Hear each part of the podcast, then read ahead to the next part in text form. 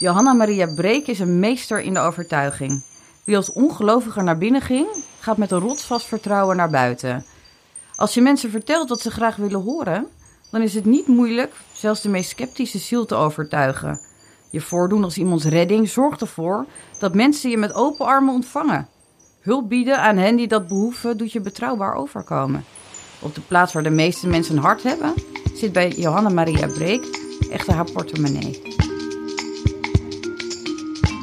Mooi, ik ben Gerard van den Berg. Geboortejaar 1978, geboorteplaats Groningen en al jarenlang gefascineerd door familieverhalen door mijn werk als radiomaker en levensboekschrijver. Goeie, ik ben Johan Wagenaar, geboortejaar 1971, geboren in Friesland. Ik heb jarenlang in het onderwijs gewerkt en tegenwoordig doe ik met mijn historisch onderzoeksbureau onder andere genealogisch onderzoek voor particulieren. Fijn dat je luistert naar alweer de vierde aflevering van Mijn Oerverhaal. Een podcast over familieonderzoek. In Mijn Oerverhaal willen we jou op weg helpen in de zoektocht naar jouw familieachtergrond. Zojuist hoor je een stukje uit het boek Mevrouw Breek van schrijfster Kim Heiderijk. De vraag die in dit boek centraal staat is of deze mevrouw Breek uit Den Haag een onbekende vrouwelijke seriemoordenaar is. Het is gebaseerd op een langdurig onderzoek van Kim naar Breeks handel en wandel. Iets wat zij eerder deed voor haar boek Op zoek naar George, waarin ze het levenspad van de 13-jarige weeshuisjongen George uit Den Haag volgt. Kims manier van onderzoek toont veel overeenkomsten met een zoektocht in jouw familie. In deze aflevering van Mijn Oerverhaal leer je hoe je jouw research op een goede manier kan indelen. En welke wegen je allemaal kunt bewandelen om jouw verhaal op papier te krijgen. Wellicht denk je na deze aflevering wel, ik ga nu ook een boek schrijven over mijn familie. Dag Kim, welkom in mijn oerverhaal. Dankjewel, leuk om hier te zijn. Even een uh, korte introductie, zo, zodat we een beetje in jouw oerverhaal uh, kunnen duiken. je geboortejaar? 79. Geboorteplaats? Amsterdam. En je beroep? Schrijfster. Ja, schrijfster? Ja, inmiddels wel, denk ik. Dat, uh, na mijn eerste boek was het de vraag, ben je nu schrijfster? Er zijn meer mensen die één boek uitbrengen en daarna niks meer. Dus nu mijn tweede boek, ja, voel ik me wel echt schrijfster nu. Ja, dat is ook waar ik me de hele dag mee bezig hou. Dit, is, dit ik fulltime en ja, ik sta ermee op en ik ga ermee naar bed. Je voelt je schrijfster. Wat is dat voor gevoel? Dat je schrijfster voelt? Gewoon, ik heb twee boeken, dus ik ben schrijfster. Of wauw, nou, ik mag weer schrijven. Ik weet niet of het een gevoel is. Dit is het, het, het, het voornaamste gevoel van, van een schrijfster zijn... is dat er wel een wens uit is gekomen. En, en wensen hebben natuurlijk heel veel met gevoel te maken. Want ik, ik wilde als schrijver worden vanaf het moment dat ik kind was.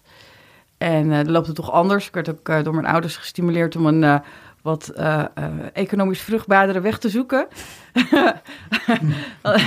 ja, en, en uh, dat is nog steeds zo. Je doet het niet omdat je er heel rijk van wordt. Integendeel, je wordt er alleen maar armer van. Maar je doet het ook om de wereld te verrijken. En ja, daar heb ik het graag voor over. En gelukkig is, het, is mijn gezin dat met me eens. Dus een van de doel, doelen is ook gewoon iets voor jezelf. Om jezelf een prettig bij te voelen bij wat je doet. Ja, dit is wat ik altijd het liefste willen doen. En ik, ja, ik denk ook dat het het enige is dat ik kan. Dus ik hoop ook maar dat iedereen vindt dat ik het een beetje goed doe. Ja. Anders is het wel heel tragisch. Zo heel sneus even. Ja, precies. Ja, ja. Dat het het enige is wat je kan en dat je het dan nog niet eens goed kan. Ja, dat zou heel erg zijn. Uh, ja, maar dat, dat, dat, de helft van mijn schrijverschap is, is onderzoek doen. Als ik de tijd van zo'n boek moet, moet, moet, zou moeten verklaren, dan is het 50% onderzoek, 50% schrijven. En dat schrijven kost natuurlijk heel veel tijd. Maar dat onderzoek ben ik gewoon anderhalf jaar bezig. Uh, bijna fulltime. Om, ja, iedereen die wel eens genealogisch onderzoek heeft gedaan, weet hoeveel tijd het kost, uh, hoeveel moeite het af en toe kost om dingen boven water te krijgen. En als je dan een heel leven van een vreemde moet onderzoeken, dat kost ongelooflijk veel tijd. Ook omdat je niet bekend bent met de tijd waarin alles speelde. En voor zo'n boek is de tijdsbeeld natuurlijk ook heel belangrijk. Dus uh, zo lang duurt het gewoon. En, um, dus het is, het is een combinatie van beide. Het is schrijven en onderzoek. Ja, je en, bent dus ook researcher. Ja, auteur ja, en absoluut. researcher. Ja. En, ik, ja. en waar ligt dan het plezier bij jou? Je gaf aan, als kind wil ik al schrijver Ja. worden. Maar je bent eigenlijk nu ook researcher geworden. Waar beleef je de meeste plezier aan? En dat is heel apart, maar ik vind het onderzoeken eigenlijk nog leuker dan het schrijven zelf. Want het onderzoeken, dat, dat uh, appelleert ook een beetje aan mijn gevoel voor avontuur. En je weet nooit wat je tegenkomt. Ik noem het altijd een soort van uh, schatgraven voor gevorderden. Ja, soms heb je weken, maanden af en toe dat je niks tegenkomt wat je kunt gebruiken. En dan, dan begint ook, ook een beetje de frustratie op te hopen. En uiteindelijk weet je, helemaal als je zoals ik ben en ik geef nooit op. Uh, het gebeurt wel eens dat ik anderhalf jaar op zoek ben naar een feit. Als je dat dan vindt, nou, echt. Dat, dat, dat, weet je, ken je die momenten van als een voetballer een doelpunt scoort, dat ze dan het t-shirt over hun hoofd trekken en rondjes rennen? Nou, dat wil ik dan doen bij mij voor in het park. Dat je gewoon euforisch bent naar zo lang zoeken of naar echt een, een feit wat, wat het boek open, openbreekt of wat maar het maakt. Het, dat echt... Wat mooi dat je die twee dingen dan samen hebt, want heel veel mensen die research doen, die hebben die yes, dat gevoel, goh, dit heb ik gevonden. En dan komt het in de kast. Of het wordt iets ja. opgeslagen. En jij kunt er nog iets mee doen. En iedereen die research doet en juist dat, dat sublieme mooie stukje vindt. Die heeft iets van, god, daar wil ik iets mee doen. Dat wil ik uitdragen. Ik wil het vertellen. Ik wil het anderen laten weten. En jij kunt dat doen. Ja, en dat is ook, dat is ook mooi. En uh, dat, dat heb ik bij dit boek dan ook gedaan. Bij Shores heb ik eerst uh, het onderzoek gedaan en ben toen gaan schrijven. En ik popelde ook echt om tijdens het onderzoek te beginnen. Maar ik weet niet waarom ik voor mezelf bedacht had dat ik eerst alles onderzocht moest hebben voordat ik kon gaan schrijven. En bij mevrouw Breek dacht ik, wat een onzin eigenlijk. We proberen het gewoon anders. Ik ga tijdens dat ik research doe, ga ik al ga ik het beschrijven. En dat, dat, dat, voor mij werkt het beter, omdat het verhaal dan meer tot leven komt. En als schrijver dan kom je erachter waar je de gaten moet invullen. Maar ook omdat je zo blij bent met bepaalde feiten dat je niet kan wachten om ze te beschrijven. En helemaal als dat gevoel van euforie nog vers is, dan, dan, dan knalt het toch het best op papier, denk ik. Ja. Maar dan blijft bij jou het einde van het verhaal ook open totdat je het hele onderzoek hebt gedaan. Als je al, als schrijver aan het onderzoeken bent. Ja. Hè, dus als je het chronologisch aanpakt. Ja, ja chronologisch precies. aanpakt, precies. Ja. Dan weet je nooit waar, waar het verhaal eindigt. En dat is ook wel weer mooi. Ja. En uh, ja, het, het, werkt niet helemaal zo. Bij Shorts had ik op een gegeven moment een hele passage dat ik hem niet meer kon vinden. Dat hij gewoon kwijt was in die historie. Niet in de archieven te vinden. Uh, ik had natuurlijk ook vrijwel geen getuigen. Uh, mensen die hem gekend hadden, dus het was heel moeilijk. En als je dan blijft hangen op het moment dat je hem niet kan vinden, ja, dan, dan, dan wordt het een hele frustrerende toestand. Dus dan kun je er best overheen stappen en dan verder gaan en dan aan het eind die gaten invullen. Dat heb ik nu ook gedaan. Dus aldoende leer je wel dat je niet te veel moet blijven hangen, niet te veel moet zoeken naar dat ene puzzelstukje. Je kan het gat ook gewoon even laten. En als je de puzzel af hebt, blijft er zelfs dat ene, ene stukje nog liggen. En dan druk je hem er gewoon in. Ja. En eh, dat maakt het uh, veel minder frustrerend. En ook, ook veel aangenamer om zo te werken. Maar dat is ook een proces dat je ja, dat je leert op de ja, duur. dat moet je leren. Ja. Ja. Ik wil even naar het uh, verhaal van mevrouw Breek. En ik vind het ook heel mooi dat je nu te gast bent, want in de vorige aflevering hadden we Bob Corette uh, te gast. Oh, leuk. Ken je hem? Ja, ja, ja. Van Corette uh, genealogie. En wat hij heel mooi zei, van eigenlijk moeten we veel meer ons inzetten om verhalen van normale mensen vast te leggen. Nou. En daar ben jij natuurlijk het levende voorbeeld van, om juist de verhalen van ja, ja, op het eerste oog gewone mensen vast te leggen. dat is ook echt mijn doel en dat, dat zal ik ook altijd blijven doen. Ja, en waar komt die fascinatie dan vandaan bij jou? Omdat ik gewone mensen zoveel boeiender vind dan, dan, dan de rijke en, en, en ja, bevoordeelde mensen. Want van gewone mensen zijn, zijn er gewoon de meeste. En, en uh, die rijke mensen zijn ook niet exemplarisch voor de rest van het volk natuurlijk. En als je in mensen gaat verdiepen, kom je erachter dat iedereen een verhaal heeft. En ik zeg wel eens, ik zou zomaar iemand op straat kunnen aanspreken, zijn familiegeschiedenis onderzoeken en een boek over hem schrijven. En dat kan zomaar iemand zijn, want iedereen heeft een verhaal. Ik heb, ja. ik heb natuurlijk wel geluk gehad met de verhalen die mij vinden. Want ik, ja, ik zeg altijd, de beste verhalen vinden mij, dan moet je niet naar op zoek. En die mensen kom je gewoon tegen. Maar in principe heeft iedereen wel iets in zijn familie dat de moeite waard is om te beschrijven. Wat mij blijft fascineren, waar dijkel jij die verhalen op? Als we nou bijvoorbeeld mevrouw Breken hebben, hmm. hoe kom je aan zo'n verhaal? Um, ik uh, was eigenlijk bezig met een heel ander boek. En uh, dat verhaal had ik gezocht, omdat Short was af. En uh, ja, er moest natuurlijk een nieuw werk komen. Dus ik ging op zoek naar een verhaal. En ik, ik wilde iets doen met een gebouw omdat ik dacht, hè, ik heb een mens gehad, ga ik met een gebouw. En ik ben er inmiddels achter dat dat werkt toch niet? Het moet toch echt over mensen gaan?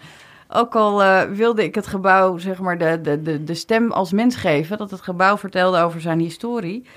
Maar uh, het gebouwtje Kasteel de Winkhorst in Den Haag, dat is een middeleeuws kasteel. En ik begon weer chronologisch, dus ik begon in zo 1300 met onderzoek te doen. En ik, ik kon de documenten in het archief niet lezen, omdat het natuurlijk oud schrift was. Dus ik ben een cursus oud schrift gaan volgen, wat ik overigens iedereen kan aanraden die, uh, die onderzoek doet. Want vroeg of laat kom je tijdens genealogisch onderzoek, kom je gewoon oud schrift tegen. En dat is ook ontzettend leuk om te doen. Um, dus op een dag uh, fietste ik naar de bibliotheek door de Weimarstraat bij ons in Den Haag. En toen schoot mij ineens te binnen dat er in die straat ooit een moord was gepleegd in 1958. en ik was eigenlijk het boek in de middeleeuwen een beetje beu. Toen dacht ik, nou, omdat ik ook columnist ben voor, voor Haagse historie, dacht ik, ga ik dit onderzoeken. Daar ga ik wat mee doen. Even iets anders, even, wat... Even lekker een moord. Ja, even, even, wat sensatie ertussen. Want ik ben helemaal, helemaal gek van die ridders en de adelstand en de beleningen en ja, ik kon er even niet meer tegen. En dan ook nog de hele, hele dag bezig met het oud schrift en al dat huiswerk. Ik dacht even iets, iets simpels. En dus niet zo eenvoudig als moord en doodslag, dacht ik. Oei. Dus uh, ik was die moord uit tegengekomen in de moordlijst van uh, journalist Hendrik Jan Korterink. En uh, ik fietste dus langs dat pand waar het geweest was. En die week had ik even het kasteel opzij geschoven en ik ging op zoek. En ik vond natuurlijk al snel in de krantenarchieven via Delvar, wat echt beste, de beste bron ooit is wat dat betreft. Vond ik al snel artikelen in landelijke dagbladen die over die moord verhaalden. Toen dacht ik, nou, dat is dan nogal wat geweest. In 1958 werd er natuurlijk niet zo verschrikkelijk veel gemoord. En zeker niet op zo'n vreselijke manier. De meneer was echt, het was een boekhandelaar, was een weduwnaar, afgeslacht in zijn winkel. Ik dacht, nou, het, het begint al goed, zullen we maar zeggen. En al lezen in die artikelen kwam ik erachter dat zijn eigen stiefzoon uh, ja, verantwoordelijk werd gehouden voor zijn dood. En dat vond ik eigenlijk heel sneu voor de vrouw waarmee die man net getrouwd was. Het zal je maar gebeuren dat je zoon je nieuwe man om het leven brengt. En dan mhm. ook nog op zo'n gruwelijke wijze. Dus dat intrigeerde meteen al.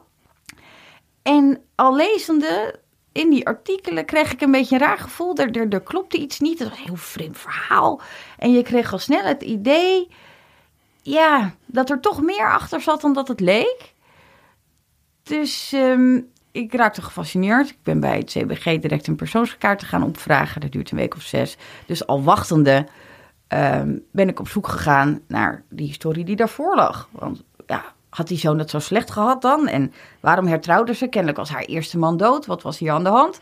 En toen kwam ik erachter dat haar eerste man uh, een Joodse man was. En dat hij overleed in Auschwitz.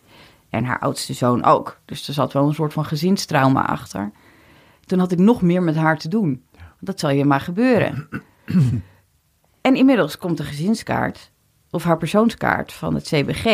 En ik zie dat er nog een huwelijk tussen zat. Sterker nog, mevrouw was vier keer getrouwd geweest. Nee. Zo, jee, in die tijd. Ja. En inmiddels had ik ook al toestemming gevraagd om het politiedossier van de moord in te mogen zien.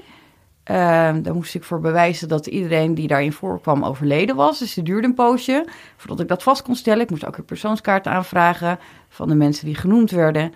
Maar uiteindelijk mocht ik het zien. En ik zit in het Haagse gemeentearchief en ik lees die documenten en ik denk bij mezelf, dit klopt niet. Dit klopt niet. Zij heeft er iets mee te maken. Ik denk, ja, dat kan toch niet waar zijn? Maar uit de getuigenverhoren bleek ook wel, ze, ze, ze, vertoonde heel vreemd gedrag om die moord. En ze zei ook, moord, moord, mijn man is vermoord. En later bleek dat ze het op zijn minst in scène hadden gezet. Van, ja, want tussendoor, je vertelde in het voorsprek, er was ook iets met een bebloede nylonkous. Precies, en toen kreeg ik pas echt argwaan. En je moet je ook voorstellen, we, we schrijven 1958, dus er is geen DNA-onderzoek. En de wereld zat toen heel anders in elkaar. En, voor mij duidelijk, wat was er met die nylonkous? Eh, nou ja, er werd een bebloede nylonkous onder het lijk gevonden. Maar er, er kwam eigenlijk bij niemand op dat die vrouw er wel eens bij betrokken kon zijn. Dat gebeurde natuurlijk niet zo vaak, dat in 1958 vrouwen betrokken waren bij, Noord, bij moord en doodslag. Dus je ziet ook in de verhoren dat het heel lang duurt voordat de politie denkt... nylonkous, vrouw, die jongen woonde ook niet thuis, dus die kous moet van haar zijn. En je leest ook dat, dat zelfs de politie kan niet geloven dat een vrouw hiertoe in staat is. En het is heel mooi om ook wat dat betreft aan het tijdsbeeld te zien. En uh, uiteindelijk wordt er dus niet bewezen dat hij van haar is. Je ziet ook dat tijdens de rechtszaak dat de rechter er niets mee doet. Dat komt wel ter sprake, maar Het is dus niet zo dat ze net zo door blijven rechercheren totdat ze het weten, omdat het zo'n belangrijk spoor is. Bebloed onder het lijk. Mhm. Ze laten dit stukje bewijs gewoon links liggen van we weten het niet.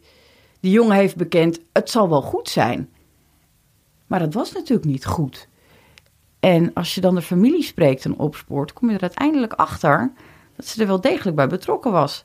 Minstens. En uh, misschien, maar dan moeten, moeten jullie het boek maar verlezen, misschien had zij het wel gedaan.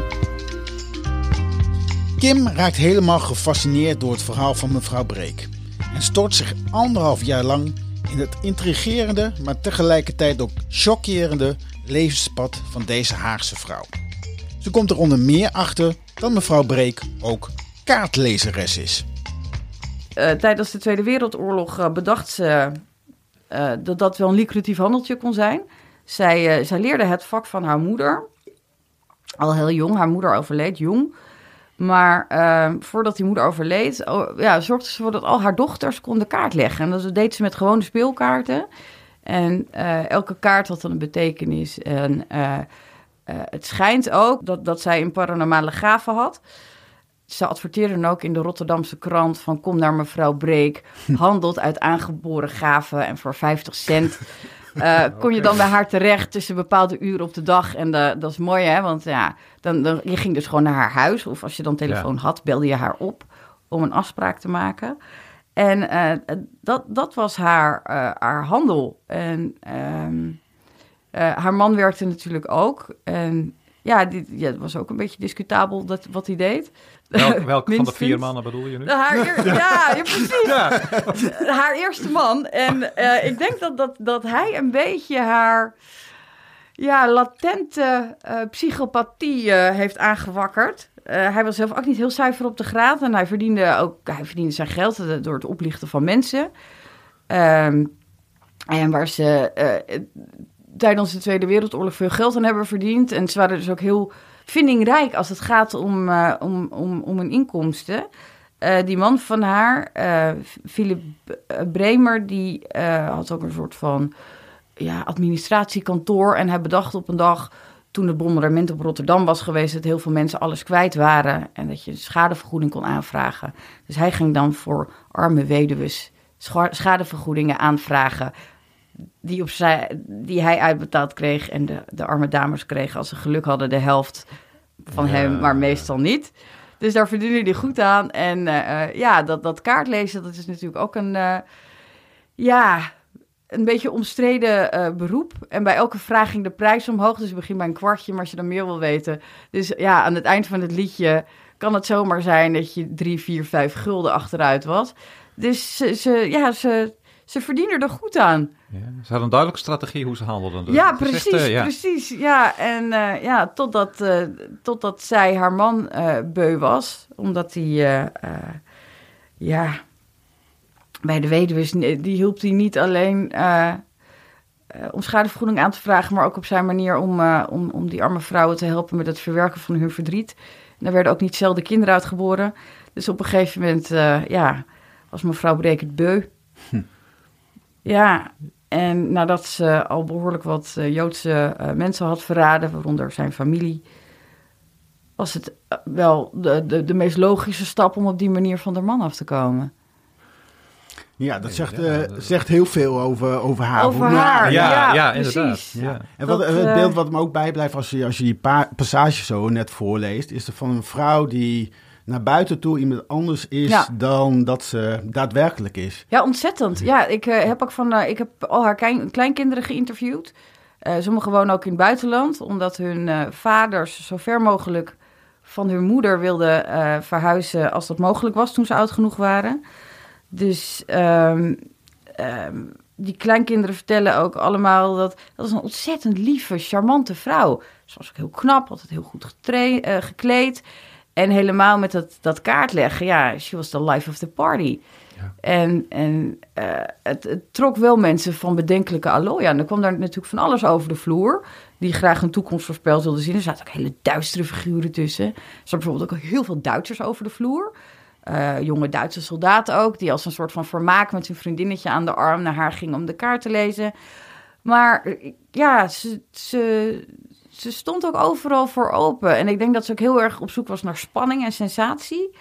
Dus op het moment dat er mensen van, van bedenkelijk allooi bij haar aan tafel zitten waar ze de kaart voor legde, is dat natuurlijk daardoor ook een ijzersterke mensenkennis gekregen, ging ze daar ook niet zelden mee in zee. Waardoor ze ook behoorlijk wat criminele activiteiten begon te ontplooien, waar ze, waar ze ook haar kinderen in meesleurde. En uh, ja, die honger naar succes en naar macht nam op een gegeven moment zulke ernstige vormen aan dat, dat mensen doodsangsten voor de uitstonden, letterlijk. En niet in de minste plaats haar eigen kinderen. En die, die, verhalen kwamen gewoon allemaal overeen. En als, ik bleef maar zoeken naar iets dat haar mens maakte. Is dat gelukt? Nee. Is, ze is geen mens geworden voor jou? Nou ja, ik, ik begreep van haar kleindochter dat ze bijvoorbeeld uh, graag kleren maken, maakte en graag breide. En dat ze Ehm, toen die kleindochter wat ouder was en zij woonden allemaal in Rotterdam, dat die kleindochter daar dan langskwam met haar moeder op zaterdag en dat er vis werd gebakken. Maar dat is ongeveer het menselijkste wat ik heb gevonden. En, en uh, dat wordt op een gegeven moment voor mij ook wel een beetje zwaar en ja, bijna schokkend dat je je anderhalf jaar lang fulltime in iemands leven verdiept en dat je werkelijk niemand kan vinden die iets aardigs over je zegt. En uh, ja, als je, als je haar CHBR-dossier leest in het Nationaal Archief, Centraal Archief Bijzondere Rechtspleging, waar uh, onderzoek wordt gedaan naar haar oorlogsmisdaden, uh, begrijp je wel dat er niemand is die iets aardigs over haar te zeggen heeft. Was dat ook, God dat ook voor de naaste omgeving van, zoals bijvoorbeeld buren, uh, mensen die bij haar in de wijk woonden, in de straat woonden? Die buren heb ik niet kunnen vinden, want helemaal in de oorlog wisselt, wisselt dat zo ontzettend snel. Ja. Uh, ik ben ook op zoek, geweest naar haar kamerbewoners bijvoorbeeld. Dat was ook een bron van inkomsten in die tijd. Vooral als alleenstaande vrouw. Hadden geen sociale zekerheid. Dus dat kaartlezen werd ook nadat haar eerste man, zeg maar, uh, omgekomen was in Auschwitz. Totdat ze uh, met de tweede was. Die zal vrij snel ontmoeten hoor. Dat, dat moest ook wel, want ja, je had een bron van inkomsten nodig. Maar je ziet dan ook dat ze in de tussenperiodes dat ze niet getrouwd is kamers verhuurt. Maar dat, gaat, dat wisselt ook zo snel. Dus het is zeker in die tijd zo, de jaren 40, 50, is het heel moeilijk om, om buren te vinden. Omdat ze, sommige mensen woonden er maar drie of vier weken. Dat kan in een jaar om, om weet ik veel, tientallen mensen gaan. Want zo was de tijd in die tijd. En dat is ook weer heel leuk om, om dat tijdsbeeld te beseffen. Mijn, mijn oma deed het bijvoorbeeld ook, hè, vroeger. Dan kreeg je bijvoorbeeld... Ehm, uh, ik heb natuurlijk naar mijn eigen familie ook onderzoek gedaan. En ik vroeg mij af, en ik zei ook tegen mijn vader, wat verhuisden jullie veel? Dat, werden jullie daar niet gek van? Nou, zeg mijn vader, dat werden we ook wel. Maar mijn oma was zo keen daarin in Amsterdam. Als je, als je dan ging verhuizen, dan kreeg je een maand, de eerste maand huur gratis. En je had zeg maar vers behang en er was vers gewit. Dus elke keer als mijn oma dacht, nou, het wordt nou wel groezelig, dan ging je gewoon verhuizen. ja. ja. ja. zo was dat in die tijd. En nog een maand huur gratis ook. Dus dan ging je gewoon met je zes kinderen, pakte je alles erin. En dan ging je, weet ik veel, vaak maar, soms was het maar drie deuren verder. Weet je wel, dus dat, dat, dat, dat, dat zie je, dat, dat, zag ik ook bij Sjors. En, en dat speelde in Den Haag. En dit speelt zich voornamelijk in Rotterdam. En mijn familie woonde in Amsterdam. Je ziet het overal terugkomen. Dat die vrouwen, die waren daar gewoon ontzettend keen in. En het was overal hetzelfde. Dus uh, ja, als je, als je veel verder teruggaat, zijn, zijn de buren wel te traceren, maar die zijn allemaal dood. Ja. Dus dan, ja, en daarna kom je met de privacywetgeving. Dus je moet erg bof hebben, wil je iemand vinden die hele lange periode, althans dat is mijn ervaring, ergens woont. Ook omdat er, en dat, dat, daar kwam ik ook nu weer achter, ontzettend veel wordt onderverhuurd. Dus dan staat er bijvoorbeeld wel op een woningkaart of op een uh, persoonskaart dat iemand, weet ik veel, drie jaar ergens woonde.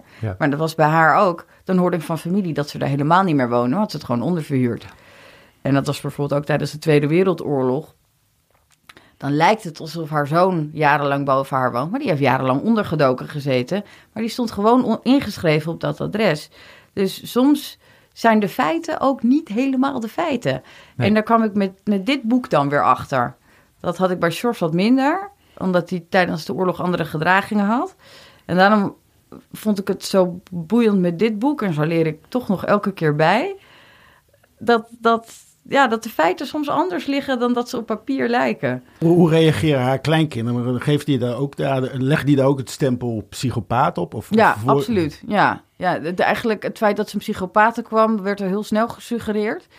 Nou, nou kun je iemand in overdrachtelijke zin zo noemen, maar op het moment dat je, vind ik, als schrijver heb je een verantwoordelijkheid door niet iemand iets, iets zomaar toe te dichten. Dus dan wil ik het ook bewezen zien.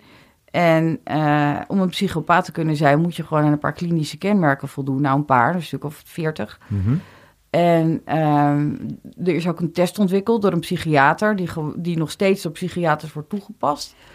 Uh, op hun patiënten om vast te stellen of iemand een psychopaat is. En uh, ik ben natuurlijk geen psychiater, maar na anderhalf jaar denk ik dat ik haar goed genoeg ken om haar in te schatten. En anders kan ik het navragen bij haar kleinkinderen.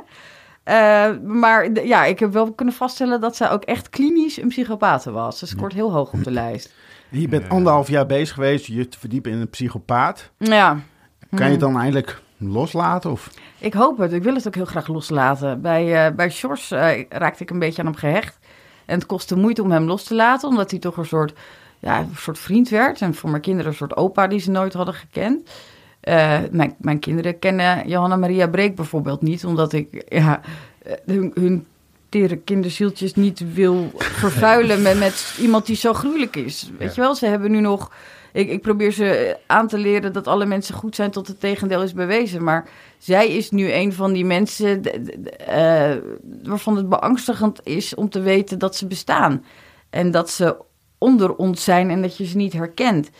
En uh, ik, ik was op een gegeven moment ook op een punt dat ik er klaar mee was. Dat, ik zei tegen mijn uitgever, ik heb anderhalf jaar in het donker geleefd met haar. Het nu al een keer tijd dat ik het licht zie. Want het is, het is natuurlijk elke dag alleen maar nadigheid. Het, het, het, hele onderzoek was... aan de ene kant was het heel spannend en heel mooi... want je blijft dingen vinden die goed zijn voor het verhaal. Maar voor jou als mens ja, ten hemel schrijend zijn. Want de dingen die ze uithaalden, ja, het, het, het, het toont wel iets aan en het zegt iets over haar, maar het werd steeds erger. En op een gegeven moment dacht ik, ja, het is nu wel genoeg geweest. En dan kwam ik weer in het Nationaal Archief. En dan, dan vond ik bijvoorbeeld weer, weer iets bij het Rode Kruis of in de CBR-dossier. Dat ik dacht, nou, hou toch op, joh. Ja. Dat het op een gegeven moment werd het onvoorstelbaar. En dan krijg je echt dat, wat ze zeggen, truth is stranger than fiction. En daarom heb ik bij dit verhaal niks hoeven te bedenken, wat ik überhaupt niet doe. Maar ja, ik denk als ik, als ik dit als fictie, als fictie ingezonden zou hebben naar een uitgever, dat ze hadden gezegd: dit, dit, accepteer ik niet, want het is ongeloofwaardig. Straks duiken we met Kim nog uitgebreid in haar researchproces. Zeer interessant omdat ze nuttige tips geeft over hoe jij je gegevens kunt rangschikken. Ook komt ze met interessante bronnen die jij kunt aanboren in de zoektocht naar jouw overal. Nu terug naar het begin van Kim's schrijverscarrière. De dag dat ze een ansichtkaart leest van het 13-jarige weesjongetje George. Beste oom, met deze laat ik weten dat ik nog goed gezond ben en dat hoop ik van nu ook. Maar ik moet iets nieuws vertellen. Nu wou ik weten waar moeder was, maar ik vraag u ook of ik uit mag gaan. En schrijf het dan zo spoedig mogelijk. Afzender Sjors Krul, Gesticht Groenestein, Den Haag. Het is een hele mooie kaart, zo'n 10 bij 15 ansichtkaart. Met op de voorkant dan dat, uh, dat, dat grote weeshuis met enorme torens. En uh, als ik zeg groot, is echt groot. Hè? Er konden gewoon 400 kinderen aan de ene kant en 400 kinderen aan de andere kant. Dus er wonen gewoon 800 kinderen. En dan nog alle nonnen en paters die ze, uh, die ze verzorgden. En ik, had, ik had die kaart van, van Marktplaats gekocht, omdat ik ja, een paar maanden daarvoor op de plek kwam wonen waar dat weeshuis om de hoek stond. En ik woon al een hele poos in Den Haag, maar ik had nog nooit van het weeshuis gehoord. En dat is natuurlijk ook raar, hè? want vaak moet je, zijn de dingen die, er, die niet gezegd worden minstens zo belangrijk als de dingen die wel gezegd worden. En uh, dat, dat, dat, dat is sowieso ook in onderzoek en bij interviews uh, echt een veeg teken. Let ook op de dingen die niet gezegd worden, want die zijn heel belangrijk. En het feit dat nooit iemand Weeshuis Groenestein had genoemd in Den Haag, betekende dus iets. En dat, dat bleek dus bij mijn onderzoek ook zo te zijn. Dat het daar dermate gruwelijk was dat iedereen die er had gezeten er nooit meer over wenste te spreken. En uh, uh, toen ik dat kaartje dus op Marktplaats vond en dacht voor de heb, voor mijn enorme collectie Haagse memorabilia, uh, zag ik pas echt hoe dat kaartje eruit zat. Dat er vlekken op zaten en ja, dat gebibber bij die hoofdletters alsof hij bang was. En vroeg me af of die vlekken misschien tranen waren. En dan, uh, dan ga je je toch afvragen wat er nou achter zit. Want waarom zou een jongetje in een weeshuis vragen waar zijn moeder is? Dat is ja, maar dat is, dat is natuurlijk het integreren Dat, dat integreerde me meteen. van, hè? Of, of er is hem niet verteld dat zijn moeder dood is. Wat kan, hè? Want vroeger vertelden ze kinderen nooit wat. Of ze leeft dus nog en het is een halfwees. En waarom zit hij daar dan? Daar dan? En ze kwam er al snel achter door gewoon te googlen. Dat is vaak het eerste wat je doet. Hè? Je tikt de naam in op Google en dan kijk je wat er gebeurt. Uh, dan, dan, kom je op een stamboom dat een familielid ooit heeft gemaakt. En toen stond er ergens onder dat zijn moeder was opgenomen in een gesticht. En toen werd ik helemaal gefascineerd. Omdat uh, als je in, uh, wat was het, 1907 werd opgenomen in een gesticht als vrouw... wil dit niet per se zeggen dat je gek was, hè? Dat, uh, want soms was je dan hysterisch of melancholisch of weet ik veel. Er kon van alles met je mankeren, maar vaak ook gewoon niks. Er gebeurde wel eens dat, dat regelmatig dat vrouwen werden opgeborgen. Zoals ze dat zo mooi noemden. Vrouwen waar eigenlijk niks mis mee was, maar gewoon die lastig waren. Die niet getrouwd waren. Kinderen bij de vleet kregen. En dat die familie dacht, nu wordt het ons te gortig. Hè? We noemen haar hysterisch en wij, wij zenden haar... Hè? En uh, totdat er een nieuwe wet werd aangenomen... waarbij de positie van de uh, ja, geestelijk zieke wat meer werd beschermd konden vrouwen hun hele leven gewoon in zo'n gesticht verpieteren. En uh, dat werd later gelukkig verbeterd. Maar ja, dan, dat, dat fascineerde dus al snel. Van hoe komt ze daar, wat doet ze daar? Uh, Wat me net onroerde toen je dat, die kaart voorlas. Ik, ik proef hem toch nog steeds emotie bij als je dat, die tekst leest. Ja, maar weet je, de, de, op het moment dat, dat ik die kaart kreeg... en dan ga je terugrekenen, mijn... mijn um, uh, mijn zoon was op dat moment net zo oud als dat hij was toen hij uit huis werd geplaatst.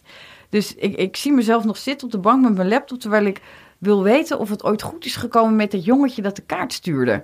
Daar ging het me eigenlijk om. En, en mijn zoon was toen, nou, dat was nog niet eens een kleuter, en die zat voor me te spelen. En, en dan, ja, ik weet niet, toch een soort van moederinstinct of zo.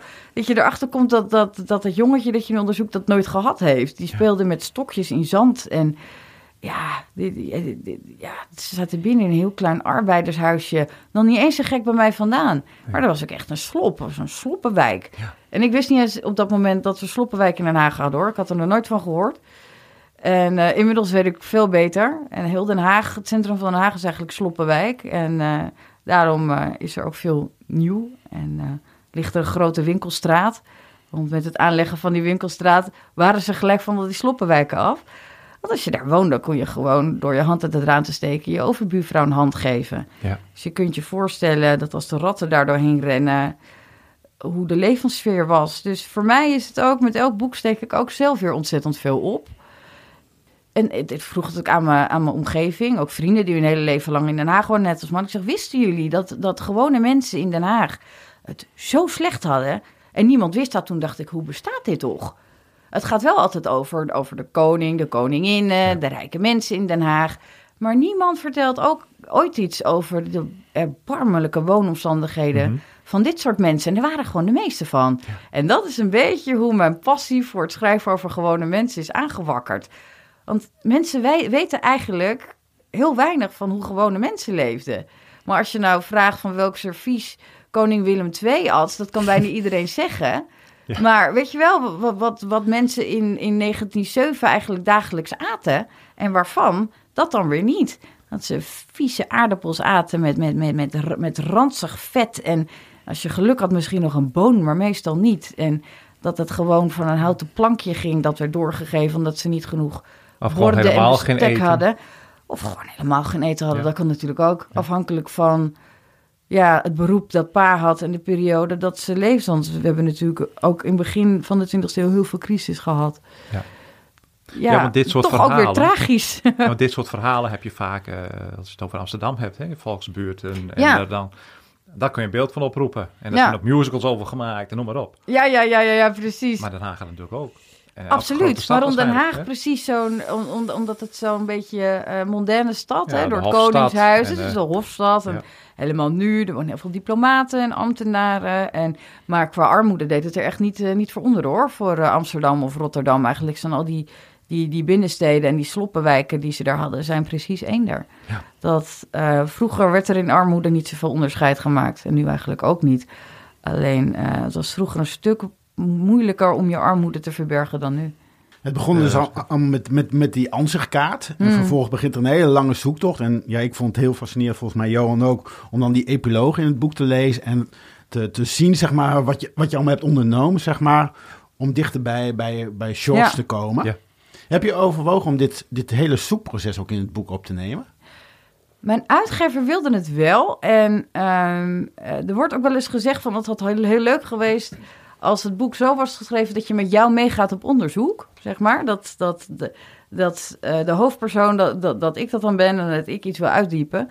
Dus misschien dat ik dat voor het volgende boek wel, wel ga doen, omdat het heel veel wordt gevraagd. Dus in een soort van verhalende uh, stijl mensen mee te nemen op onderzoek. Omdat, ja, ook waar we het net over hadden, er komt zoveel emotie bij kijken. Dus de, de, uitgever wilde ook een hele uitgebreide epiloog, vandaar dat hij er op, eh, bij Source ook in zit.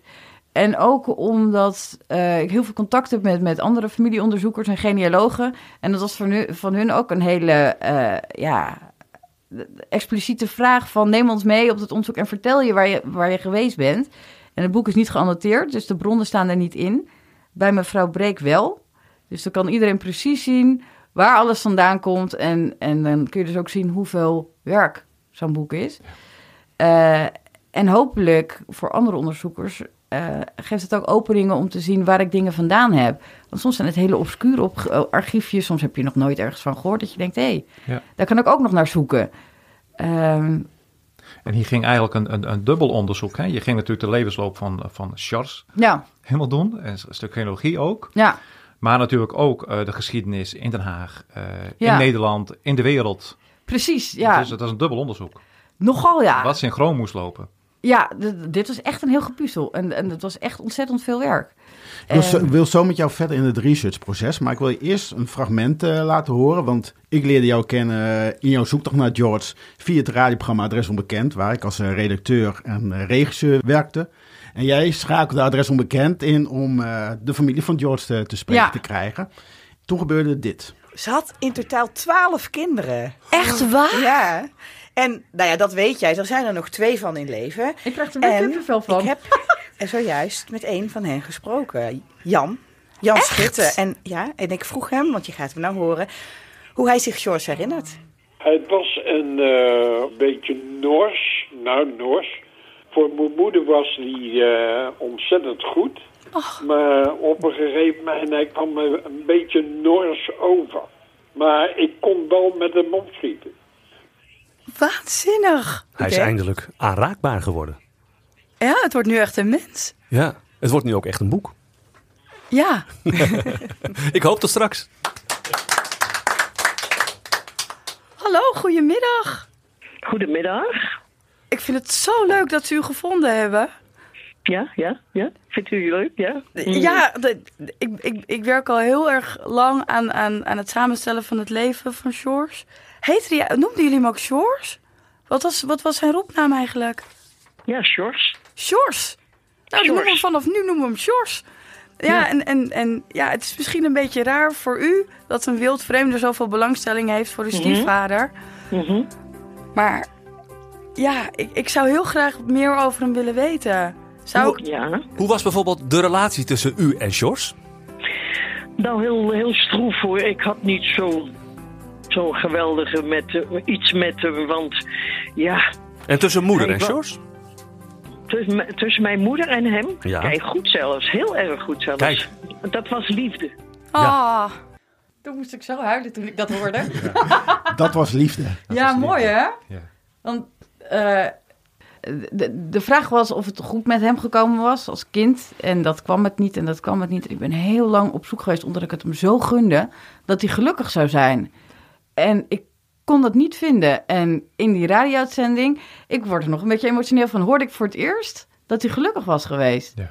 En voor iemand die zo'n zwaar leven heeft gehad, en hij was 50 hè, al toen hij, zijn, toen hij die moeder leerde kennen. Jezus mensen, dat je zo lang moet wachten op geluk joh. En ja, dat, dat greep me zo aan dat ik dacht, eindelijk. Man. En ben ik blij voor je. En een mooi einde voor je boek, omdat hij in ieder geval nog liefde heeft gevonden in zijn leven. Nou ja, dat was niet het einde, want uh, zij overleed wel een stuk eerder dan hij. Dus uh, uh, dat was uitermate tragisch. En je, ik ben er ook achter gekomen, toch met, door gesprekken met de familie. Want ze denken altijd dat ze niet zoveel weten van, ah, het is zo lang geleden, dat weet ik allemaal niet meer. Maar toch, als je in gesprek raakt, gaan er steeds meer luikjes open. Want dat was voor die mensen mm -hmm. natuurlijk lang geleden. En als, als sprekende gaan... Oh ja, oh ja, dat zei hij ook nog. En of ook als je een vraag stelt, hè, van had hij een tik? Had hij een stopwoord? Was hij iets waar hij gewoon hele obscure vraagjes... Dan komen er af en toe hele verhalen uit. En uh, toen kwam ik er dus ook achter dat hij uh, uh, heel slecht is omgegaan met de dood van zijn vrouw. En dat is voor mij, vind ik zeg maar die hoofdstukken, de mooiste hoofdstukken uit het boek. Omdat hij daar echt heel menselijk wordt. En het wordt ook heel, uh, het wordt heel tragisch. En je kunt dan ook zien hoe verschrikkelijk veel die van haar gehouden heeft. En uh, alle feiten zijn natuurlijk heel herkenbaar voor de mensen. Weet je wel, de, schoolmelk, de maanlanding. Maar uh, ik denk als je ooit een geliefde bent verloren, dat dat ook heel herkenbaar is. En ik denk dat hij heel bang geweest moet zijn of hij zijn moeder achterna ging. Hij werd echt een beetje gek. En uh, dat is echt heel zielig. En hij heeft nog heel lang moeten wachten totdat hij zich bij haar kon voegen. Dus de laatste jaren van zijn leven heeft hij echt zitten wachten totdat hij doodging, denk ik. En dat heeft hij niet verdiend, mm -hmm. vind ik. Maar ja, c'est la vie. Toch? Daarin is hij ook weer heel gewoon. En dat overkomt ook heel veel mensen. Ja. ja. Dus, uh... Mooi in dit, dit, fragment is natuurlijk ook dat hij hier verandert van George naar George. Ja. ja. Ja, dat, uh, toen had hij eind, kreeg hij eindelijk de naam die bij hem paste. Ja, van de gewone man. Hm. Ja. Lieve Hanny, geen liefde is groter dan van het ouderpaar. Zij zorgt zonder dralen voor elk jaar op jaar. En zonder erop te praten kweekt zij in het kinderhart de vreugde ten leven, liefst zonder leed of smart. Geen ziel zal zich zo geven dan van vader of moeder leert liefde erven van uw beste levenshoeder, die liefhebbende vader. En dan de datum 24 februari 1915. Straks horen we van Kim wat dit gedichtje van een vader aan zijn dochter met haar familiegeschiedenis te maken heeft. En hoe zij dit schitterend schrijven van meer dan een eeuw geleden op het spoor kwam. En dan is er ook nog de link van Kims familie met schilder Salvador Dali. Maar eerst duiken we in Kims onderzoekproces. Wat ze schitterend omschrijft in de epiloog van Op zoek naar George. Is er een bepaald stramien waarmee Kim werkt en die wellicht ook interessant is voor een zoektocht in je familiegeschiedenis? Je, begint natuurlijk bij de meest betrouwbare gegevens die je kunt vinden. Uh, dus op het moment dat je iemand gaat onderzoeken, is het eerste wat je doet een persoonskaart op, opvragen bij het CBG. Ook omdat het een week of zes duurt, dus dan, uh, dan is dat in elk geval maar onderweg. En uh, bij Source deed ik er bijvoorbeeld alleen van hem. Uh, en later kom je er dan achter dat je toch nog meer persoonskaarten op moet vragen. Dus wat ik nu doe, dat is dan ook wat je, wat je leert onderweg. Bij mevrouw Breker bijvoorbeeld haar kaart, haar manskaart, al hun broers en zussen en al hun kinderen. Het is even een stapeltje en dat kost een paar euro. Maar je moet het toch doen, omdat je toch van iedereen eh, die de naaste familie is, wil weten uh, wat hun gedragingen waren. En helemaal als je genealogisch stamboomonderzoek doet, dan moet je dat sowieso doen. Dus vraag van iedereen eerst de persoonskaart op. Dat is het meest betrouwbare. Dan kun je zien wat de adressen zijn, wie de kinderen waren, wanneer ze geboren zijn, overleden zijn, begraven zijn, gescheiden zijn soms. Dus dat is dan het uitgangspunt. Wat ik dan doe, maar dat is ook omdat ik het moet verwerken tot een verhaal en omdat ik het overzicht wil behouden. Ik, uh, het is een beetje knullig, maar ik open dan een Excel-document en ik maak kolommen met uh, datum van het feit, het adres van het feit, de stad, het feit zelf ehm, en wat, wat uitleg voor mezelf. En daarachter heel belangrijk de kolom bron. dat deed ik bij Shores niet. En dan blijf je op een gegeven moment zoeken van waar vond ik dit nou ook alweer? Als je nog meer vragen hebt. Dus de afdeling bron is heel belangrijk. Dat je erop zet de, de, persoonskaart van die of, of een gezinskaart of wat dan ook. Bron. Volgens mij is dat een beetje de rode draad van deze podcast. Bron, bron, bron. Ja, bron. Heel echt, belangrijk. Bron, dat is het. Dus wat ik dan doe, en dan uh, ook omdat het dan voor een boek is, maar dat kan ik iedereen aanraden, maak voor elk persoon een tabblad aan. En op, op chronologische volgorde vul je alle feiten in. Dus het begint dan uiteraard bij de geboorte. Uh, dus dan uh, kijk je ook in de actes van waar is iemand geboren. Soms staat zelfs het adres erin waar iemand geboren wordt. Weet je wel, tenzij naar huizen. En dan krijg je het adres. Um, wat ook heel leuk is, altijd, en dat, dat, dat schrijf ik dan vaak in het, uh, in het kolommetje bijzonderheden, wie de getuigen waren bij de feiten. En zo ga je verder. Dus dan vaak naar de geboorte kom je dan bij het, bij het huwelijk en bij het sterven. En daartussendoor ga je alle feiten invullen. De, de data van de kinderen, wanneer die geboren waren, wie de getuigen waren bij het aangeven van de geboorte. Ze kunnen ook belangrijke dingen opleveren. Soms heb je beroepsgetuigen, maar soms is het ook dezelfde man uh, van, terwijl de moeder ongehuwd is. Dus als elke keer dezelfde man terugkomt die geen beroepsgetuige is en ma is ongehuwd, zou ik eens gaan kijken of dat misschien de vader was. Um, wat ik ook altijd doe, wat ook een leuke tip is om te doen, je kunt uh, terugrekenen wanneer de conceptie was van een geboorte. Het kan natuurlijk een beetje schelen, hè? Dat kan een paar weken kan ertussen zitten. Maar uh, ik heb daar een website voor en dan tik ik de geboortedatum in en dan rekent hij terug wanneer ongeveer de datum van conceptie was. En dan kom je er wel eens achter dat uh, pa bijvoorbeeld toevallig in de gevangenis zat. Dus dat die niet de vader kan zijn in het vak dat een kind werd geboren. Dus dat is ook altijd heel leuk om even in je, in je lijstje te zetten, datum van conceptie. En welke website is dat voor onze luisteraars? Ja, weet, moet, moet maar even gegoogeld worden. Maar als je iets van uh, conceptiedatum of, of, of zoiets, datum van verwekking intikt, want het is natuurlijk nooit negen maanden, hè? Dat, dat, dat, het, het, ja, of veertig weken. Maar het is leuk om het even precies tot op de dag toe uit te rekenen. We zetten het in onze show notes, dus uh, komt uh, goed. Gaan het zoeken. dat is wel weer een mooie, ja, deze. Dus en dan ga je vanaf de persoonskaart ga je alle adressen overtikken. Uh, ook weer op volgorde van datum. En dan komt meestal wat ik heel leuk vind om te doen, ook voor mezelf om een beetje een idee te krijgen. Dan ga ik delveren en dat is denk ik mijn allergrootste hobby. Dat, uh, je hebt ook mensen die, die legpuzzels maken op regenachtige zondagen en ik pak mijn computer en ik ga delveren. En ik vind dat echt heerlijk om te doen. Gewoon om, ja, sommige advertenties zijn leuk om op te zoeken en soms gewoon met een heel knullig zoekwoord sowieso hè, je eigen familienaam in te vullen. Maar wat ik dus ook doe, en uh, dat is ook weer de categorie tips. Uh, ik, ik uh, zoek dus alle adressen op in Delver. Dat doe je gewoon de, straatnaam en het huisnummer tussen twee haakjes, zodat het mooi bij elkaar blijft. En dan uh, vind je vaak, um, ja, dat, kunnen de gekste dingen zijn. Wat je vaak vindt is dat het huis waar ze wonen te huur stond. En dan kun je dus zien wat het huis kostte. Wat heel leuk is om te weten, want dan weet je ook een beetje wat ze verdienden. De, vaak wordt er ook omschreven hoe het huis eruit ziet, hoeveel kamers, of er een wasgelegenheid in zit, dat soort dingen. Dus dan weet je ook gelijk een beetje over hoe zij leefden. Dat is ook leuk om te weten. Um, als je dan verder gaat, gaat zoeken, kom je vaak advertenties tegen van dingen die te koop worden aangeboden. Uh, in advertenties uh, er kunnen kinderspullen zijn. Soms een, vind je een advertentie dat ze een hond hebben gevonden. Je komt echt werkelijk dus de gekste dingen tegen als je gewoon googelt op het adres. Ik heb ook al eens dat ik een brand ben tegengekomen. Dat ik, dat ik dacht, oh, daarom gingen ze verhuizen. Een huis heeft in de fik gestaan. Daar kom je alleen maar achter in de krantenarchieven. Dus dat, dat vind ik ook echt een hele belangrijke, belangrijke bron altijd. Je komt natuurlijk ook aangiftes van geboorte tegen. Um, uh, en van overlijden. En die overlijdensadvertenties kunnen ook nog wel eens veel zeggen. Op het moment dat je bijvoorbeeld uh, geen adres weet... of niet van naast de familie, staat er vaak in waar ze woonden. Er staat vaak ook waar mensen begraven zijn. Dus dan kun je dat weer invullen in je Excel-lijstje... Hm. bij overleden de begraafplaats. Dat, want soms is de steen er ook nog. Dus ja, om in een familieverhaal te kunnen omschrijven hoe een graf eruit ziet, is natuurlijk ook altijd uh, mooi. Maar uh, de, ook weer in de categorie wat er niet verteld wordt. Welke familieleden staan bijvoorbeeld niet in een begrafenisadvertentie? En, en waarom is dat? Um, soms zijn er uh, broers en zussen die in het buitenland zitten. Soms zitten ze in Indië, dan weet je dat ze daar misschien voor de kniel werkt. Dat is ook weer een, een, een, een draadje wat je later kunt onderzoeken. Dus het is ongelooflijk wat een schat aan informatie alleen een begrafenisadvertentie is. Of ook naar, uh, je hebt ook wel eens dat er uh, sprake was van langdurig lijden. Dat is natuurlijk super tragisch.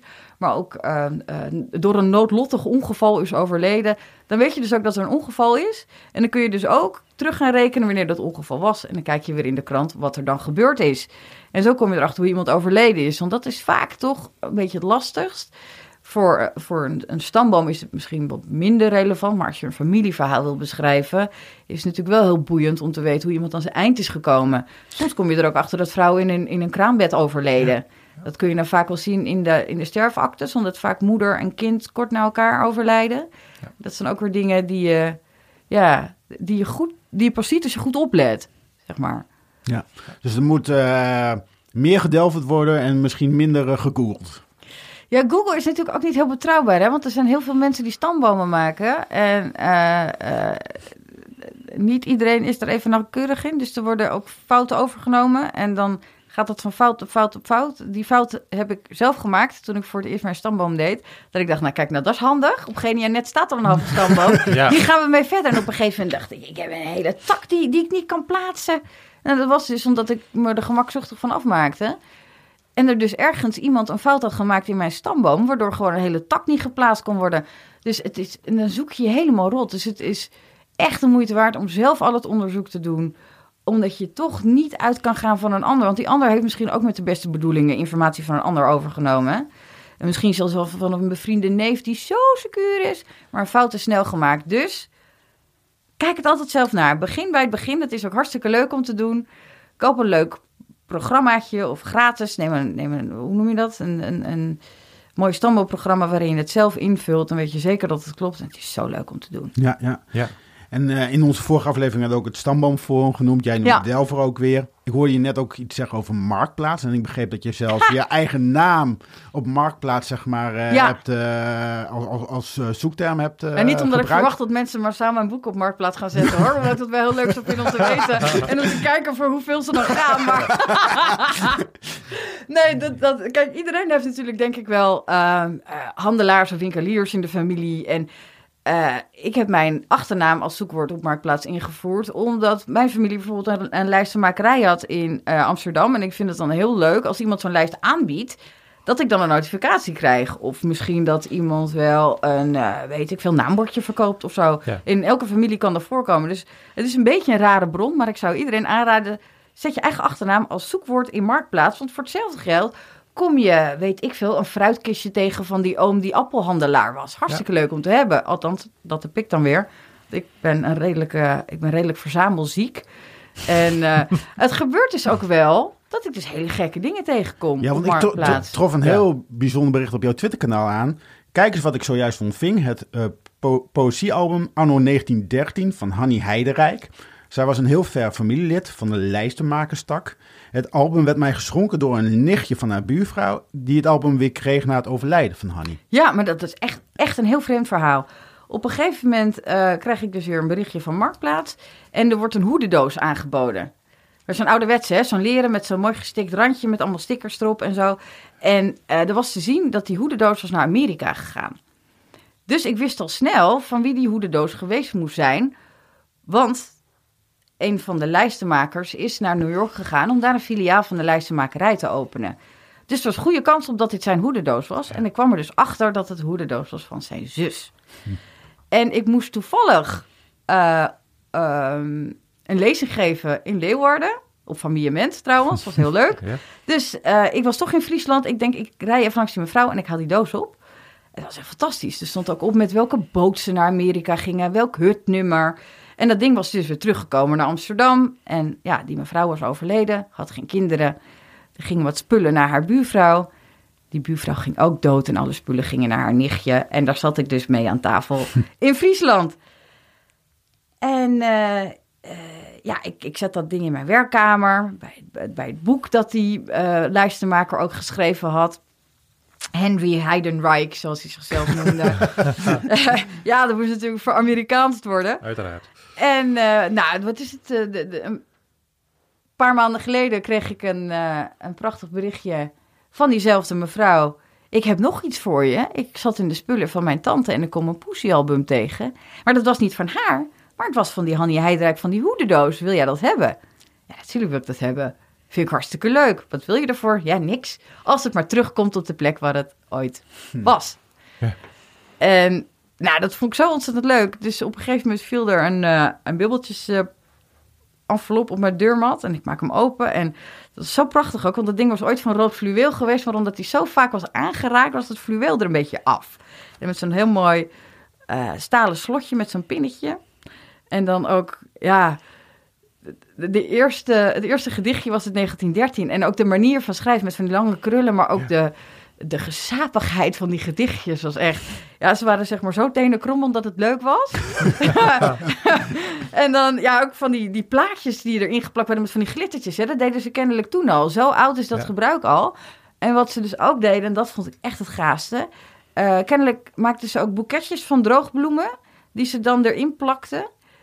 En uh, met van dat vetvrije papier erover.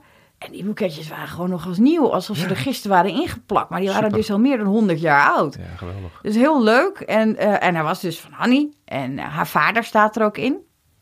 Dus die komt natuurlijk ook voor in mijn stamboom. Dat is eigenlijk... nee, zijn vader begon de lijstenmakerij. Maar goed, in elk geval, die, die, die broer die naar Amerika ging, die stond er ook weer in. Dus ja, dat is zo'n prachtig stukje familiegeschiedenis. Maar het is ook geen logische bron, hè? Absoluut. Want ook al die vriendinnen die je hebt ja. geschreven als schoolklasgenootjes, uh, wat zijn de linken daarmee? En is het misschien nog ergens een verre achternicht van... Ja, en wat schrijven ze over haar? Ja. En kennelijk vonden ze haar heel lief en heel aardig. En uh, ja, het tijdsbeeld is ook zo prachtig. En stel dat je nou een, uh, je familieverhaal zou schrijven, is het ook heel leuk om die gedichtjes op te nemen. Als, niet alleen als tijdsbeeld, maar ook over hoe mensen over, over die persoon dachten. En uh, die vader die, die sluit zijn gedicht ook af met de woorden in de trant van... ik ben degene die je altijd zal koesteren en te zal zorgen dat je veilig blijft. Weet je wel? Dus dat, het zegt ook iets over de, over de gezinsrelatie.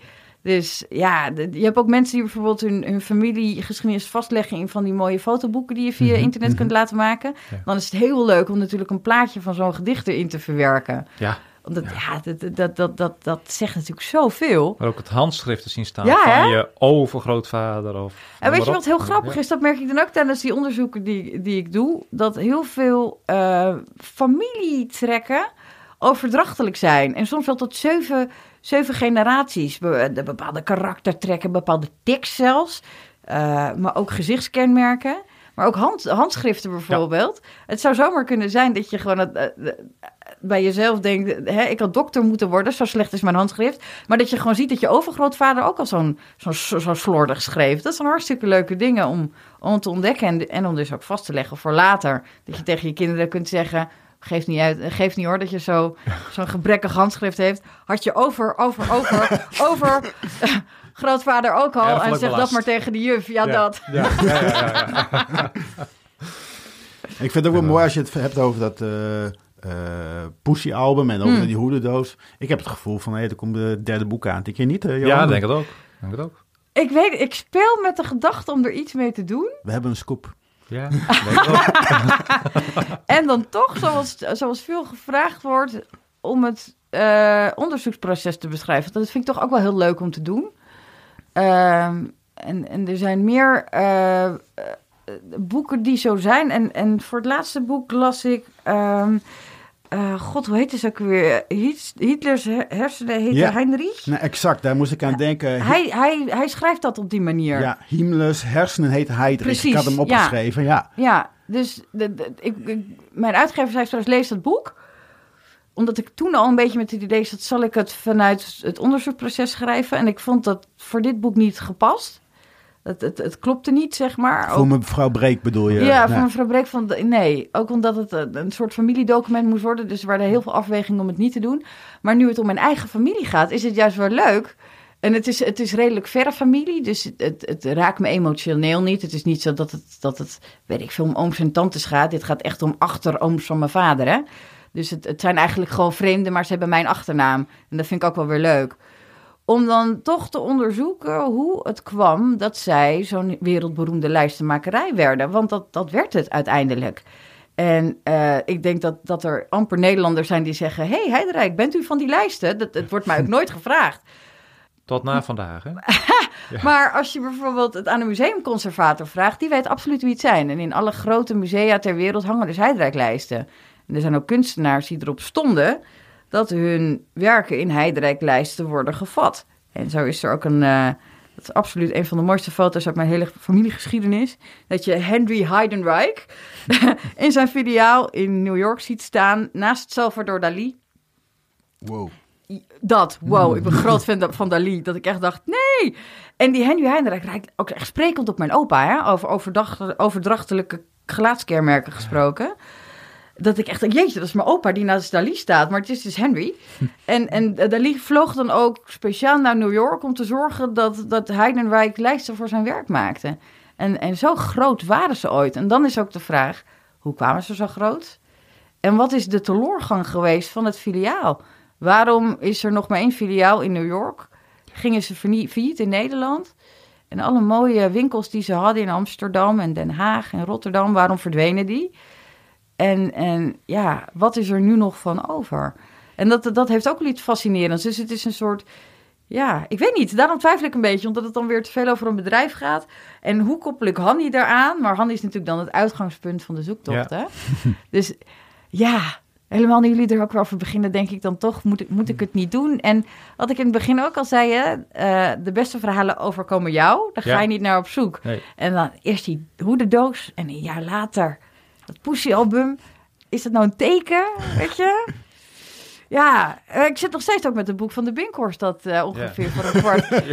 Dus ja, en, en, en ja, er zijn ook mensen die dat heel graag zouden willen lezen. Hoewel ik daar nog wel, eh, dat, dat zou nog wel jaren duren voordat dat af is. Want het zijn zeven eeuwen historie. Ja. En dus ook als ik het onderzoek moet doen van al die bewoners, ja, dat, dat gaat zo lang duren. hè? Maar ja, als je nu al heel enthousiast kunt vertellen over de poes, Ja, ja, hè? die Ja, ja, toch, hè? lijstenmakers.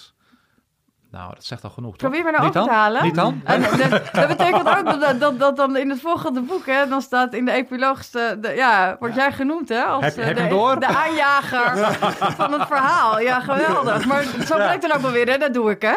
Ja. Super, dat zou wel super zijn, hè? Ja, ja, ja. En dan kom ik hier ook gewoon weer terug, hè, om, Tuurlijk. Lijkt me om te wel. vertellen Heel leuk. over hoe dat onderzoek ging. Lijkt me leuk. Ja, dat zou, dat zou helemaal leuk zijn. Ik hou je op de hoogte. Als ik het beslis, dan hoor je het meteen. Ja, super. Maar het lijkt me inderdaad sowieso fantastisch als je dan, dan inderdaad dat hele zoekproces erin Ja. meeneemt. Dat is echt, Ja. eh, wat je ook zegt over, eh, of wat ik zelf ervaren heb bij dat Himmlers hersen heette Heidrich, Ja. dat je steeds die emotie van die schrijver eh, Precies. ervaart. Ja, ja en dat, dat, dat vond ik ook wel mooi. En ook dat je. eh, het was niet alleen het onderzoeksproces, maar hij nam je ook helemaal mee in zijn gedachtegang. Van moet ik dit nu wel beschrijven? Zal ik daar nu wel heen? Wat levert het op? In die zin was dat misschien voor mevrouw Breek ook interessant geweest. Van, Ja. nee, hoe ga je daarmee om? Het is een eh psychopaat. Ja, Ja, vertel ik dat wel of vertel ik dat niet? Of, eh, ja precies. Ja, ja, ja. Oh, misschien, ja. Het zou ook heel verrassend zijn als dat deel van de familie me helemaal niet aanspreekt. dat het hele nare mensen waren. Ja, dat kan natuurlijk ook, want je weet nooit wat je vindt. Hè? Ja, nee. Je moet overal voor openstaan. En soms, ehm, ja, de, de, de, als je iets zoekt, moet je er ook van uitgaan dat je iets kunt vinden dat je liever niet had gevonden. Maar dat hoort allemaal bij het spel. Hè? Dus daar, ja, houden altijd, altijd, altijd, ja. Op de school voor journalistiek zeiden ze altijd: stel nooit een vraag waar je het antwoord niet op wil horen. En dat is bij dit soort onderzoek eh, eigenlijk precies net zo. Ja. Ja. Terug even naar het researchproces. We hebben, je hebt Delver eh, genoemd. Eh, heb je, heb je- en wij hebben al eerder ook het Stamboomforum bijvoorbeeld Ja. genoemd. En andere bronnen. Heb jij daar nog iets aan toe te voegen? Wat, wat, wat Ja, wie er- was wie natuurlijk. Dat is, Ja, ja, ja. ja. daar, daar kun je uren op doorbrengen.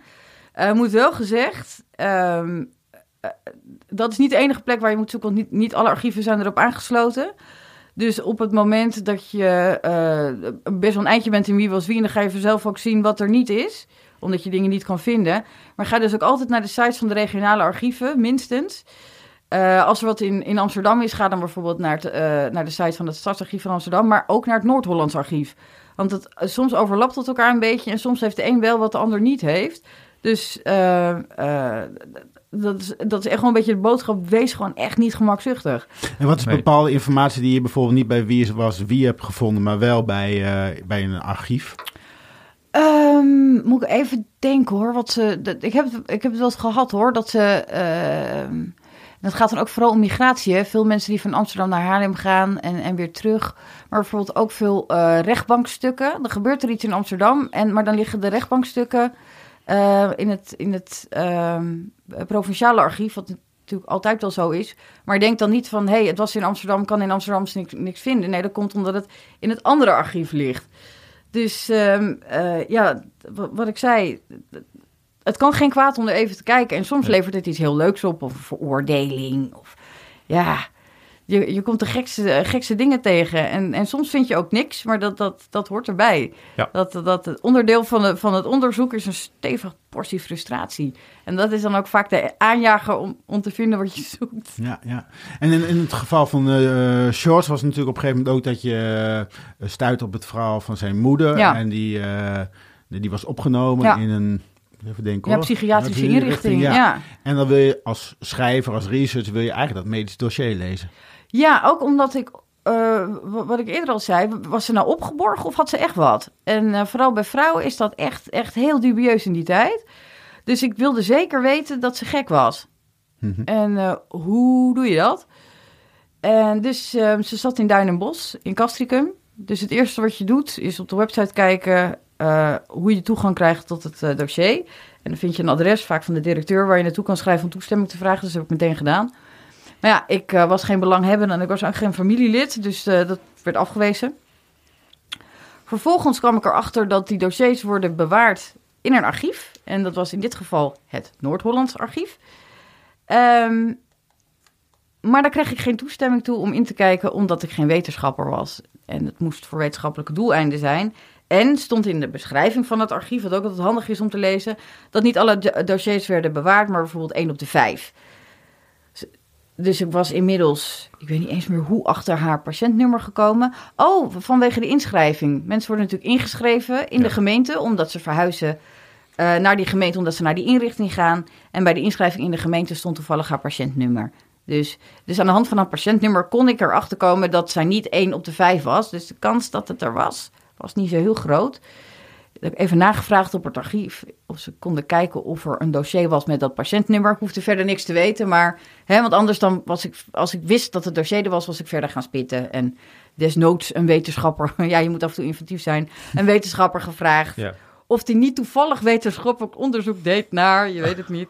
Maar um, het kwam er niet van, want omdat je je natuurlijk ook verdiept in in het tijdsbeeld zat ik op een gegeven moment een boek te lezen over uh, psychiatrische historie. Omdat ik wilde weten hoe er werd omgegaan met mensen in gestichten in die tijd. Want ze zat er vanaf 1907 tot 1920, zo'n beetje 1923. Ze heeft er heel lang gezeten. Eigenlijk, ja, de hele volwassen leven. Ze is er ook dood gegaan. Ze is erin gegaan. Ze is er nooit meer uitgekomen. Dus dat maakte de vraag alleen maar prangender. Stel je voor dat ze niks had, zegt. Dat zou toch ten hemel schrijend super treurig zijn. Dus ik zit dat boek te lezen over psychiatrische historie. En ik kom er dus achter dat, uh, dat ze op een gegeven moment. Dat, de wetgever erachter komt, zeg maar, de regering komt erachter dat zoveel vrouwen worden opgeborgen. En ze passen dan ook de wet aan. En wat er moet gebeuren is dat uh, een opname moet met elk half jaar of jaar verlengd worden. En er moet een, een, een rapportage, een observatie worden overlegd aan de rechter, zodat hij zeker weet dat iemand gewoon gek is. Dus wat heeft iemand en hoe gedraagt iemand zich? En als het goed gaat, en het blijft goed gaan, kan de rechter op een gegeven moment zeggen: Nou, ik zie geen reden meer voor opname, meneer de dokter. Hm. Dus um, toen dacht ik: Dat is het. Dat is het. En ik zat het om twee uur s'nachts te lezen. Dus uh, ik heb de hele nacht ook niet kunnen slapen. En ik wilde eigenlijk gewoon uit bed achter mijn computer om te kijken of die rechtbank door de dossiers er nog waren en of ze openbaar waren. Maar ik wist inmiddels zo, 1910, 1920, 1930, die zijn gewoon openbaar. Kan je gewoon zien. Ik dacht, nou, dat zou toch wat zijn? Dat je niet in de medische dossiers mag, maar dat er halve medische dossiers in de rechtbankarchieven zitten. dat zou toch wat zijn? Ja. En ik vind inderdaad de volgende ochtend, Terwijl ik het slaap uit mijn ogen wrijf en nog een koffie maak en nog een.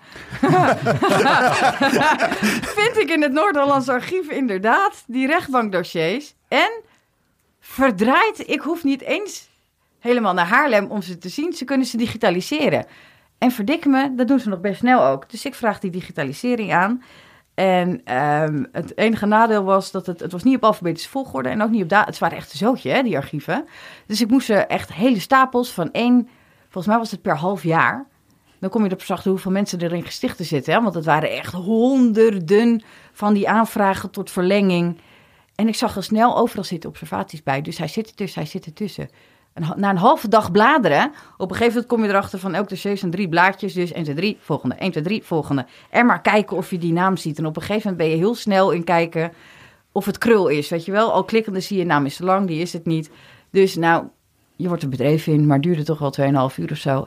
En verdraaid, dat was de aanvraag van mevrouw Krul.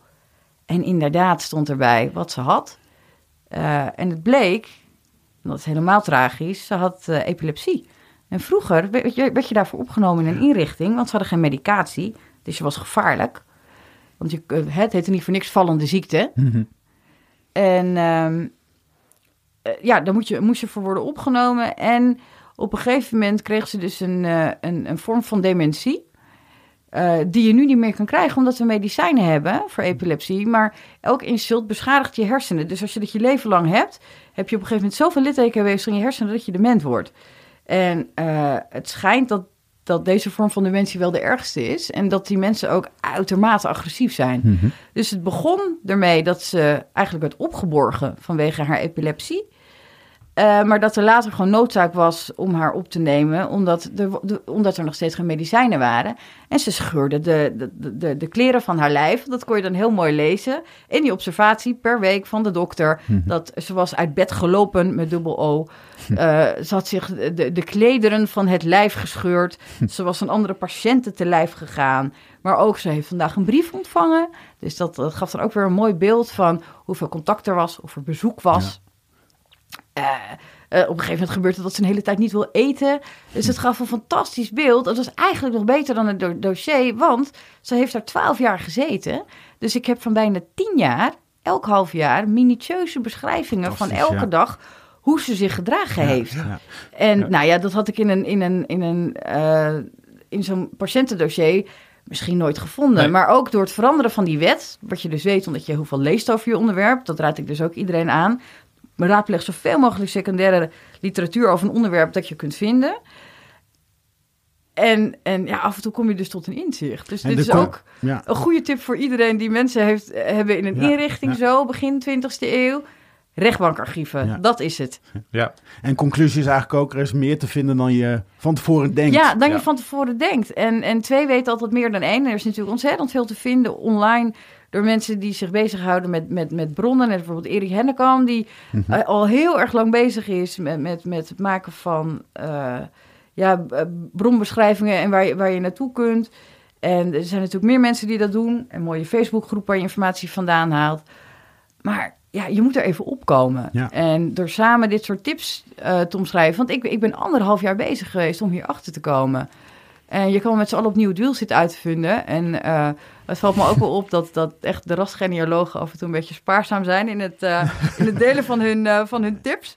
Nou, wij dat, doen uh, ons best met uh, mijn oefening om die, al die tips uh, Precies, naar boven te krijgen. Dat is mooi. Ja. ja. Dus ja, dat is heel fijn als je samen... Ja, ja het is zo'n prachtige hobby. En als je elkaar daar een beetje mee, bij kunt helpen... Want ja, helemaal, helemaal met dit is. Ik denk dat iedereen wel iemand in een, in een gesticht heeft zitten. Ja. Ja. Dus uh, dit was voor mij echt uh, de tip die ik graag met de luisteraars uh, wilde delen. Ja. Want je komt er niet zo makkelijk nee. op. En, en, in je hele verhaal moet ik steeds denken aan een credo van Peter Jan Rens van vroeger. Geef nooit op. Oh nee, maar dat zeker niet. Nee. En. en er wordt ook gezegd dat, dat, dat genealogisch onderzoek heel verslavend is. Hè? Dat, dat is ook echt zo. Want ja, dat, dat, dat, heb ik ook elke keer. Je blijft zoeken, want, ja. want wie zoekt zal vinden. En je blijft ook maar vinden. En vooral in het begin vind je heel veel. En daarom is dus die, die Excel-lijst waar ik net over vertelde heel belangrijk. Want anders mensen, je ziet echt door de boom het bos niet meer. Dus, dus echt, wees minutieus en maak gewoon zo'n lijst. En dan kun je ook alles heel snel weer vinden. En uh, ook weer terugvinden als je je bronnen goed bijhoudt. En uh, ja uiteindelijk, hoe langer je zoekt, hoe langer het gaat duren voordat je die feiten vindt. Want uiteindelijk is er toch dat ene dingetje. En soms, hè, moet je er gewoon bij neerleggen. Hm. Na gedegen onderzoek, soms is het er ook gewoon niet meer. Maar kan jij dat, bij neerleggen? Uiteindelijk moet het wel, maar dan nog, en dat, dat is ook zoiets, dat doe ik nog steeds. Hè. Elk jaar met Openbaarheidsdag ga ik toch even kijken of er nog bronnen beschikbaar zijn gekomen die ik graag had willen raadplegen voor Shores ja, dat, dat, dat blijft toch een tik. Dat... Dus misschien ooit nog een deel 2 uh, deel twee van op zoek naar shows. Ja, en dat het er nu niet is, wil niet zeggen dat het er ook niet hm. is. Dat had ik op een gegeven moment ook met mevrouw Breeks. Dan had ik het manuscript al, in, al ingeleverd. En toen kwam ik erachter hm. dat Bad Arolse alles, alles hm. online had gezet. Ja, ja, ja. En ik had ze ook al gemaild. En ik had ook al contact gehad met de archivaris van Auschwitz. En de familie was er al achteraan geweest. En die, die hadden ook 6 op request gekregen. En ineens, een week later, zie ik alle, alle, alle kampkaarten online staan. Ja, ik denk, hè? Dus toen heb ik nog wel even tegen de redacteur gezegd... er zijn nog een paar dingen die ik nog even vers erin wil steken. Dus ja, je kan opgeven voor het moment, maar... Ja, weet ik veel. Zet dus een notificatie één keer per jaar dat je toch nog even checkt of het er op dat moment niet is. Want ja, het, helemaal dat digitaliseren gaat nu zo snel. Dat uiteindelijk komt denk ik alles wel een keer beschikbaar. Ja, je noemt snel heel tussendoor even Battle Rolls, maar als je wil zoeken in Duitsland, een belangrijke bron is ja, natuurlijk... van de International Tracing Service, als je familie hebt die uh, in kampen hebben gezeten. In Nederland uh, ga je naar het Nationaal Archief, kijk je de CBR. Uh, het Rode Kruisarchief ligt inmiddels ook bij het Nationaal Archief. Ehm, wat, wat, misschien wel handig is om te vermelden, dat, dat, is nu een tip, zeg maar. nu, nu het bij het Nationaal Archief ligt, mag je er geen foto's meer van maken. En dat was voorheen wel. Maar het Nationaal Archief heeft daar strenge regels in. Dus uh, schrijf gewoon alles op. Dat doe ik ook. Ik tik hele dossiers over. Kost even. Maar dan hoef je ook niet elke keer terug als er een nieuwe vraag ontstaat. Nee. Dus uh, wat ik dan doe, als ik ergens ben waar geen foto's van mogen zijn... Ik, ik omschrijf hoe het document eruit ziet, wat erop staat... welke kleur het heeft, wat er getypt is, wat er in handschrift staat. Zelfs als ik iets niet kan lezen, schrijf ik de letters op die ik wel kan lezen... zodat ik thuis nog kan puzzelen. Uh, schrijf ik goed de documentnummers op... Dus wees zo meticuleus, mo meticuleus mogelijk in het opschrijven van die documenten waar je geen foto's van kan maken. Anders is het gewoon zonde van je tijd. Dus in Nederland uh, is dat dus de weg om te gaan. En uh, natuurlijk Nat Nield. Ja. Dat, uh, dat spreekt voor zich. En lees anders de, de boeken van Kim Heiderijk. Want ook daar die staan boordevol tips hoe je zeg maar, op zoek kan gaan naar jouw familieverhaal, je oerverhaal. Nog één vraag, kan je de volgende zin afmaken? Begin vandaag met je, het zoeken naar je oerverhaal, want... Je oerverhaal, dat ben jij. Ja, jij, jij, jij bent een onderdeel van het oerverhaal. En ooit zal ook jij weer een oerverhaal zijn. Dus mensen, bewaren ook goed spullen voor het nageslacht. Hm. ook deze podcast. Juist deze podcast, ja. Voor mijn nageslacht, hè, is dit fantastisch. Ja. Zeker. Ja. Dankjewel dat je het gast uh, wilde zijn in onze Dankjewel. podcast. Zo kwamen we aan het eind van deze aflevering van Mijn Oerverhaal. Met dank aan Kim Heiderijk voor haar prachtige verhalen. En de jongens van Studio Lijn 14 voor het beschikbaar stellen van deze prachtige locatie. En jij natuurlijk bedankt voor het luisteren. Wil je reageren op deze podcast of heb je tips, interessante bronnen? Of heb jij misschien een meeslepend verhaal over jouw zoektocht naar je oerverhaal? Laat het bij voorkeur achter in een spraakbericht op 06 411 05 384. En als je aan deze podcast plezier hebt beleefd, abonneer je dan op onze podcast en deel hem met je ouders, grootouders, neven, nichten, oudooms, tantes. Wellicht komen er nog wel nieuwe verhalen uit jouw familiegeschiedenis naar boven. In ieder geval leidt het tot een grote verspreiding van de liefde voor familieonderzoek en voor het vastleggen van levensverhalen. Hou voor de volgende aflevering van Mijn Oerverhaal onze Facebook, Twitter en Instagram pagina in de gaten of neem een kijkje op www.mijnoerverhaal.nl. Tot heel snel. Hoi.